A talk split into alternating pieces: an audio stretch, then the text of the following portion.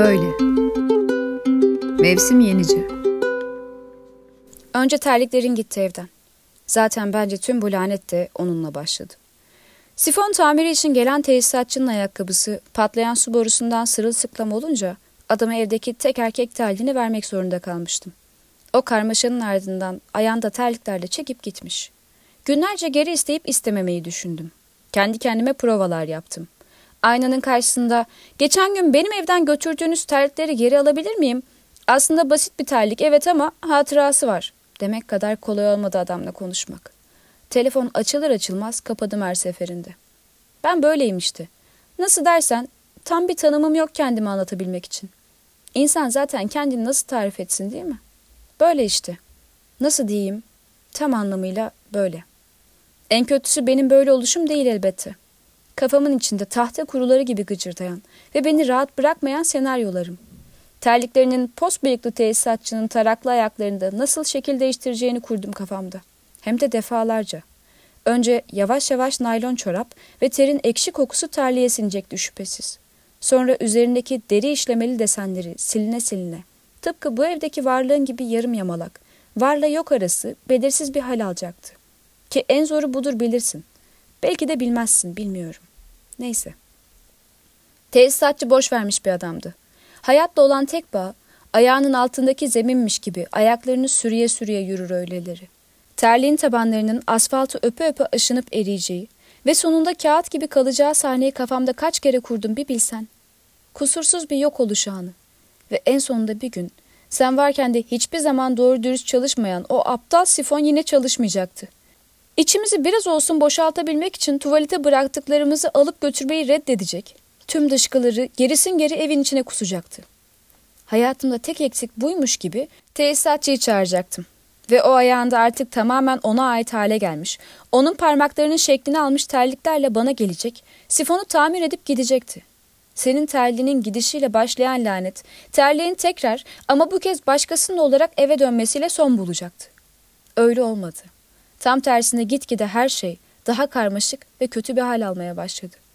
En yakın arkadaşın bir akşamüstü ansızın evime geldi. Balkonda oturduk. Ayakları çıplaktı çünkü ona verecek tek terliğin tesisatçıyla gitmişti. Hayatının aşkının ben olmadığımı, biz tanışmadan az evvel onu kaybettiğini anlattı arkadaşın. Ben sustum, o konuştu. Ve giderken verdiği sırrın bedelini arar gibi turladı evi. Oraya buraya bakındı. En sonunda giderken yanına senin güneş gözlüğünü hatıra diye aldı. Oysa güneş o giderken çoktan batmıştı. Eşin dostun taziye için sürekli eve geldi. Ben sustukça seni anlattıkları gecelerde durmaksızın içtiler. Sen içmezsin nasılsa. Bunu ben hatıra olarak alıyorum diyen, eli boş gelip senin şişelerinle çıktı evden. Böylece viski ve şarap şişelerin gitti terliklerinin peşinden. Eksilmek böyle böyle oluyormuş. Nasıl deme, böyle işte. Nasıl diyeyim, tam anlamıyla böyle. Aslında evliliğe pek de uymayan mizacının olduğunu anlattı biri. Yurt dışından dönmemizin seni tükettiğini savundu bir diğeri. İçki dolabın tamamen boşaldığında artık gelip giden kimse yoktu. Arkadaşların da böyle böyle azalarak gitti. Onlar bitti ama bilinmezlikler silsilesi devam etti. Yalnız ne yalan söyleyeyim, çok şey varmış hakkında bilmediğim. Psikolog yardımcı olmaya çalıştı. Dedi ki, insanın böyle bir süreçten sonra kendine bile yalan söylemesi gayet doğal. Hangimiz yalan söylüyor bir bilsem. En iyi bildiğim şey terliklerinin güzel ayaklarında nasıl durduğuymuş ve giden sadece oymuş gibi sürekli bunu düşünürken ben başka şeyler de eksildi evden. Bir akşam birbirinize tip olarak benzediğiniz için övündüğün abini uğradı. Nasıl olduğumu merak etmiş. Gören neden yanlış anlar diye çekindiğinden balkonda değil televizyonun karşısında oturduk. Seninkilere benzeyen ayakları görmeye cesaretim olmadığından terliğim yok ayakkabılarla gir dedim. Öyle girdi eve.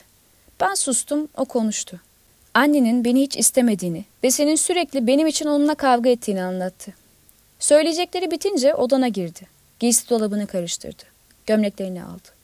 Gel zaman git zaman kuzenlerin de birkaç bilinmezlik karşılığında pipo ve plak koleksiyonunu da hatıra olarak aralarında paylaşınca böyle kalıverdi ev. Anlatmaya kelimelerim yok. Böyle işte nasıl diyeyim? Nerede sakladın onca gizli şeyi? İnsan dolup taşmaz mı bir yerlerden diye hayret ettim. Ayrıca psikolog dedi ki saklayınca olurmuş öyle şeyler zaten. İnsan tuvalet gibi geri tepermiş.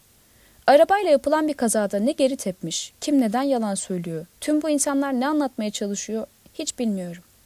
En sonunda duvarda buzdolabının üstünde asılı duran tüm fotoğraflarda bana bakan başka bir adam görmeye başladım ben. Beni öperken başkasını hayal eden, dudakları gülümserken aslında gözleri uzaklara dalan, aile fotoğraflarında yabancı gibi beni hep kalabalığın dışına iten bir adam. Cehalet ne güzelmiş. O zaman anladım. Terlikle başlayan lanet borcunu ödeyemediğim için bankaya az evvel satılan evle son buldu.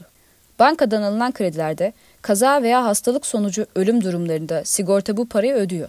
Ancak borçlu kişi bilerek canına kastettiyse sigorta bu parayı ve çekilen krediyi ödemiyor ve karşılamıyor diye özetledi avukat durumu.